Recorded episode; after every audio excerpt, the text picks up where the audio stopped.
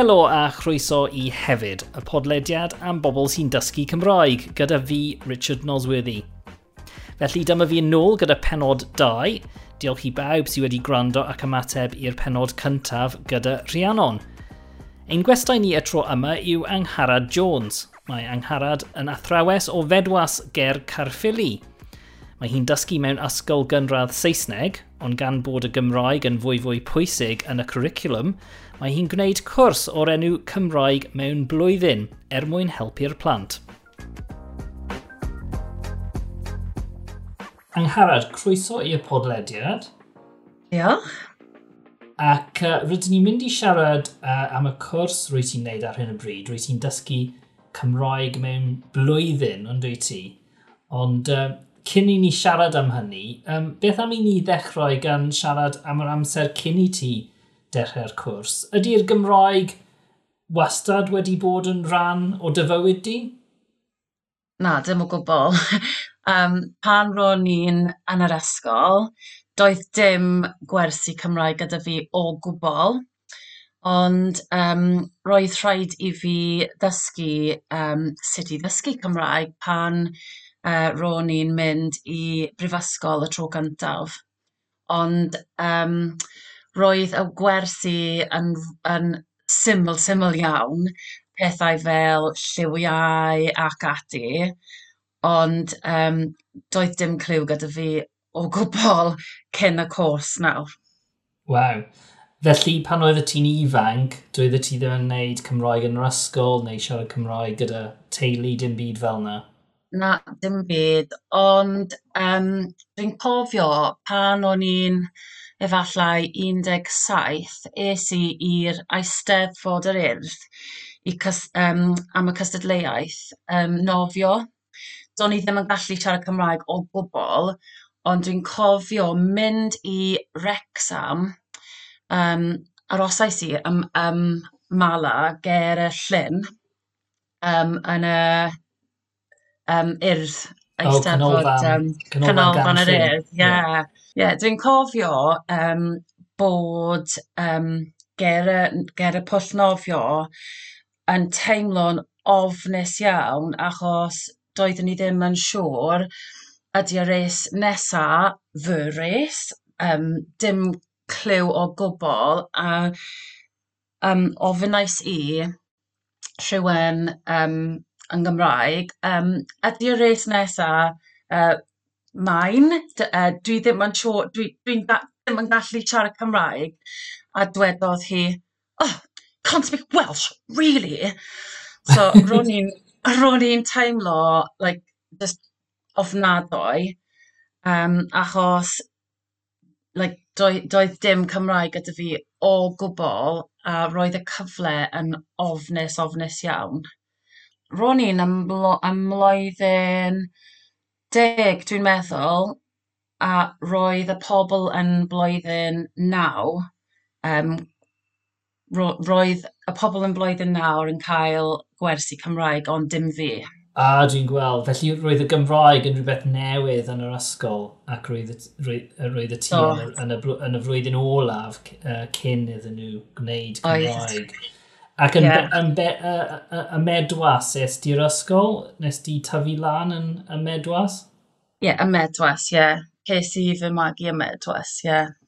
A pa fath o le yw bedwas? Oes llawer o Gymraeg yno i bobl sydd ddim yn gwybod am Na, dwi, na, dwi ddim erioed wedi clywed um, Gymraeg yn y gymuned o gwbl, ond dwi'n mynd i Clwb Rhedeg, Caerffili, Caerffili Runners, a um, mae rhai o bobl sy'n siarad Cymraeg yn y clwb rhedeg. Ond dim y medwes. Ie, yeah, ie. Yeah. So, uh, so mae'r Gymraeg yn eitha newydd yn dyfywyd di. Ac rwy ti, rwy ti nawr yn gweithio fel athrawes mewn ysgol Saesneg i iaith yn ardal Cyrffili, ond dwi ti. Felly, pam, pam nes ti benderfynu dysgu Cymraeg felly yn ddiweddar?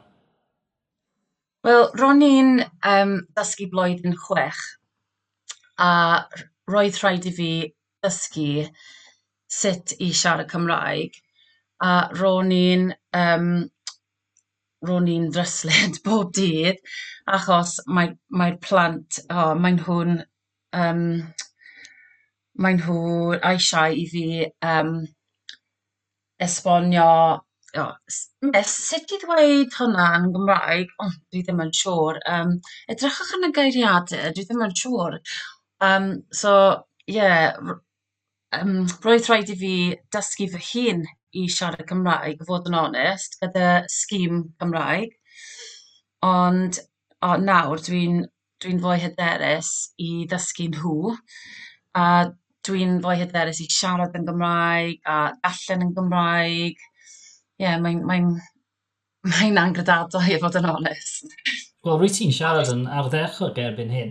Felly, pryd dechreuodd y cwrs yma Cymraeg mewn blwyddyn? Y llynedd mis, mis Medi? Ie, yeah, dwi wedi bod yn ddysgu ers mis Medi. Waw. Mae hynny yn anhygol bod ti'n gallu siarad Cymraeg mor dda ar ôl dechrau mis Medi. So, beth yw'r yeah, yw cyfrinach bydd pobl eisiau gwybod sut mae'r cwrs wedi mynd yn dda iawn yn amlwg? O ie, yeah, mae cwrs yn anhygoel achos o mae mae hyder gyda fi nawr i siarad um, yn Gymraeg a ysgrifennu yn Gymraeg a darllen yn Gymraeg a dwi'n teimlo dwi wedi bod yn cefnogi um, dwi'n just mwy hyderus i siarad. Ie mae'n mae'n hoel, mae'n hoel bob dydd, mae'n eitha anodd oherwydd y ffaith rhaid i fi um, defnyddio treigladau ac ati, e, ond dwi'n just gyffroes pob dydd i ddysgu a dwi'n gwybod fy mod i'n gallu dysgu fy, fy mlant yn yr ysgol nawr um, gyda hyder a, a dwi'n gyffroes iddyn nhw i ddysgu Cymraeg. Ie, yeah, ie. Yeah. So, sut mae hi'n gweithio felly? Wyt ti'n dysgu Cymraeg bob dydd? Wyt ti, wyt ti dal, dal i fod i ddysgu yn yr ysgol ar yr un pryd? Ie, yeah, dwi'n dwi, dwi dysgu ar-line pob dydd, ond unwaith yr oethnos, um, dwi'n dysgu ar-line a hyn y bryd oherwydd coronavirus. Um, dwi'n dysgu bob dydd mawrth. Um, yn y bore dwi'n dysgu blwyddyn pump a phedwar yn yn y prynhawn dwi'n dysgu blwyddyn un a dau ar-lein ond dwi'n dysgu ym mhrifysgol nawr unwaith yr wythnos um, hefyd ond dwi'n yn fy nhi bob dydd um, yn siarad um, ar y cwrs a darllen ar y cwrs ie mae'n mae llawer o hoel. Ie, yeah, ie. Yeah. Felly, mae'n amser hir ers i fi fynd i'r ysgol, es i ysgol Saesneg hefyd, gyda chydig o Gymraeg, gwersi Cymraeg, wrth gwrs. Um, ond um, falle bydd pobl ddim yn gwybod, ydy ydy'r ydy Gymraeg yn rhan bwysig nawr o ysgolion Saesneg yng Nghymru? Ie, yeah, yn bendant. Um, oherwydd y cwricwlwm newydd um, yn dechrau... Ww, um, dau ddeg dau ddeg dau dwi'n meddwl. Um, yeah, mae'n mae bwysig naw iddyn nhw siarad Cymraeg ar draws y cwricwlwm. Dim jyst gwersi Cymraeg. Um, dwi eisiau siarad Cymraeg ar draws y cwricwlwm, gwyddoniaeth, cerddoriaeth, mathemateg ac ati. Mae'n bwysig naw um, i siarad Cymraeg ar draws y cwricwlwm, dim ond yn, yn wersi Cymraeg. Ie, yeah, ie. Yeah. So, mae pobl wrth gwrs ar hyn o bryd yn meddwl am ysgolion Cymraeg, mae'r plant yn gallu siarad Cymraeg a Saesneg, ond yn y hen ddyddiau, wrth gwrs, o leiaf, roedd plant ysg mewn ysgolion Saesneg ddim yn gallu fel arfer siarad Cymraeg ar ôl gadael yr ysgol. Wyt ti'n meddwl bydd plant heddiw yn yn defnyddio Gymraeg ar ôl gadael yr ysgol pan maen nhw'n oedolion? O, dwi'n gobeithio. dwi'n gobeithio achos dwi eisiau nhw gael y profiadau mewn bywyd ches i ddim pan ro'n i'n ifanc oherwydd doeddwn i ddim yn gallu siarad Cymraeg o gwbl. Ond gobeithio mae nhw'n mynd i defnyddio fe uh, yn eu bywyd nhw Ie, yeah, yn sicr.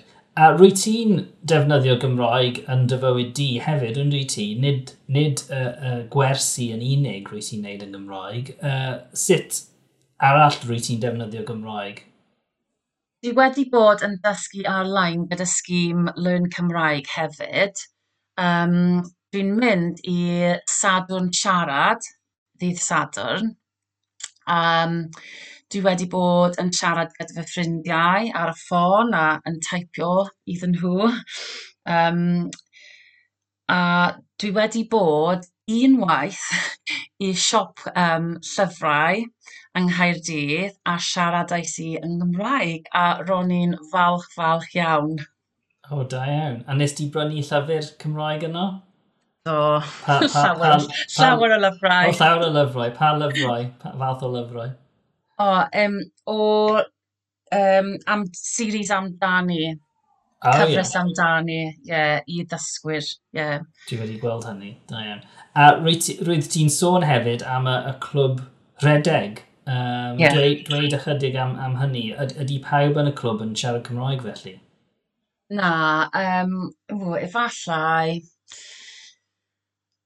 deg ohonyn nhw sy'n gallu siarad Cymraeg, dwi'n meddwl, ond mae cyfle naw i gwisgo y logo um, dwi'n gallu siarad Cymraeg ar y vest.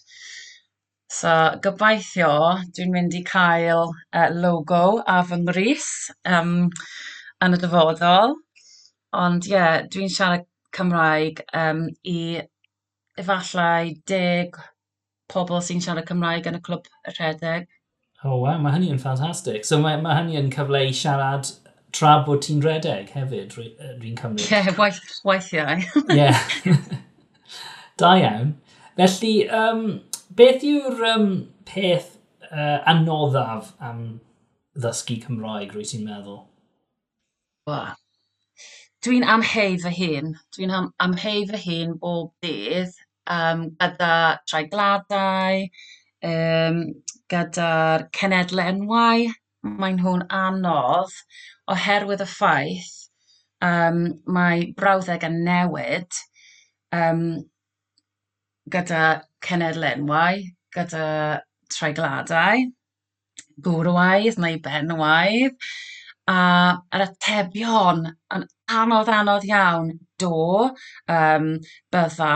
Uh, Mae'n mae anodd i cofio sut um, i ateb, a fod yn onest. Ie, yeah, yn sicr, maen nhw'n eitha heriol, dwi'n meddwl, pethau eitha heriol ond dyn nhw. Sut i ddweud, oh, yeah. os wyt ti'n siarad Saesneg fel arfer, sut i ddweud yes yn Gymraeg neu no, mae hynny yeah. gallu bod yn anodd.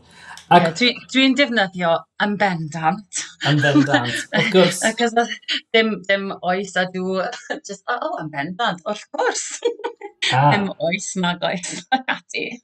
Wel, rwy ti wedi ateb y cwestiwn nesaf i fod yn onest. Rwy'n i'n mynd i ofyn am unrhyw tips, unrhyw cyngor sy'n oh, gyda yeah. ti i ddysgwyr eraill. Beth fydda ti'n dweud wrth dysgwyr eraill am ddysgu Cymraeg? Oh, dal ati.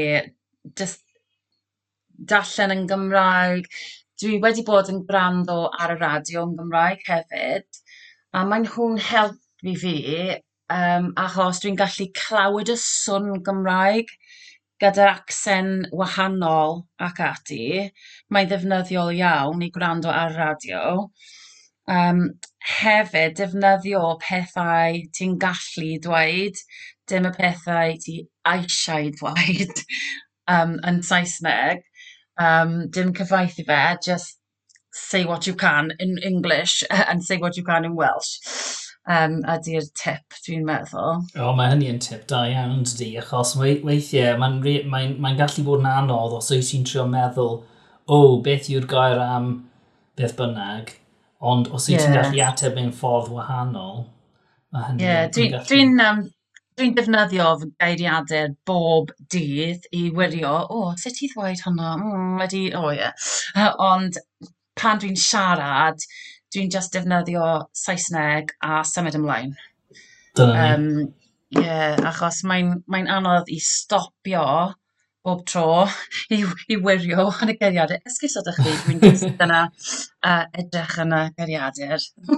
Ond ie, yeah, just cariwch ymlaen um, yn Saesneg pan dwi, dwi ddim yn gallu gwybod yr ateb. Ie, yeah, yn sicr.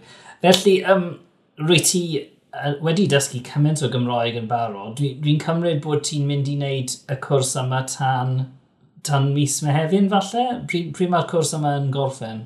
Ie, yeah, mae cwrs yn gorffen mis, um, yeah, mis goffenno, goffennaf, neu awst. Goffennaf, dwi'n meddwl. Ah, okay um, a dwi'n bwriadu ddatblygu fy Nghymraeg a, a mynd ar y cwrs uwch ar ôl y cwrs nawr. A ah, ie, yeah. felly mwy o ddysgu ar ôl y cwrs yma. Yn bendant, yn bendant. Ac uh, wrth edrych ymlaen at y dyfodol, efallai ar ôl wneud y cwrs uwch, um, beth wyt ti'n gobeithio wneud gyda Gymraeg yn y pen draw? Beth wyt ti'n, ble wyt ti'n, uh, ble wyt ti eisiau bod mewn blwyddyn, oh. pum mlynedd? Wel, dwi'n person fywiog. Dwi'n uh, dylu a gigs a um, cyngerddi. Um, dwi'n arfer bod ar y llwyfan. Um, dwi'n dwi methu, uh, dwi'n colli bod ar y llwyfan, llwyfan a dwi eisiau gwylio ddrama neu musical yn Gymraeg a mynd i gigs a mynd i caffi falle i siarad yn Gymraeg. Yeah, dwi'n dwi gyffroes um, i'r dyfodol y fod yn onest nawr. Ie, yeah, a wel, rydyn ni gyd yn gobeithio efallai uh, flwyddyn nesaf bydd eisteddfodau ac ati yn ail ddechrau a um, felly, ie, uh, yeah, bydd mwy o gyfleoedd i siarad Cymraeg hefyd yn ogystal yn gwneud pethau rydyn ni gyd yn mwynhau, fel mynd i gyd. Ie, yeah, gobeithio, ie. Yeah. Ie, yeah, gobeithio. Gwych, gwych. Dwi'n dwi doli a music Cymraeg. Um, mae playlist gyda fi o um, cerddoriaeth Cymraeg a dwi wedi bod yn gwrando um, i Radio Cymru neu Cymru FM. Ie, yeah, dwi'n dwi, mwynhau um, gerddoriaeth Cymraeg. Ie, yeah, mae hynny yn ffordd um, dda i ddysgu hefyd, yn, yn dydy, os, wyt ti'n gallu gwrando, a, gwrando eto a wedyn efallai darllen y geiriau i'r cyneuon. Mae hynny yn ffordd yeah, dda. Ie, yn bendant. Dwi'n gallu deall y telenegion nawr pan dwi'n clywed um, Cymraeg. Dwi'n gallu meddwl, o, oh, dwi'n gwybod, dwi'n dwi gwybod nawr, dwi'n dwi deall, dwi deall y gan a dwi'n gallu canu. Um, yeah, mae'n mae haws i um, canu na siarad, dwi'n meddwl. OK, wel diolch yn fawr am siarad gyda fi yng Ngharad. Gobeithio bydde, bydde di'n mwynhau gweddill y cwrs a dysgu yn Gymraeg yn yr ysgol a mynd i'r gigs ac ati cyn fwy hir. Ie, yeah, diolch. Wedi bod yn bleser mawr siarad gyda ti. Diolch yn fawr. A ti, diolch. Wel, diolch yn fawr iawn i angharad am siarad gyda fi. Sgwrs hyfryd iawn. Os ydych chi'n defnyddio Twitter, gallwch chi ddilyn angharad. I henw Twitter hi ydy at Miss Jones Pont. Rydw i yno hefyd fel at podlediad hefyd. Os ydych chi'n mwynhau'r podlediad, gallwch chi danysgrifio ar Apple Podcasts, Spotify, Google Podcasts ac apiau eraill. Gallwch chi ffeindio mwy o wybodaeth am y penod yma gan gynnwys linciau a geirfa ar fy ngwefan ni, Mae'r link ar y nodiadau. Plis cysylltwch â fi os hoffech chi gymryd rhan, neu os rydych chi'n nabod rhywun fyddai'n westau diddorol.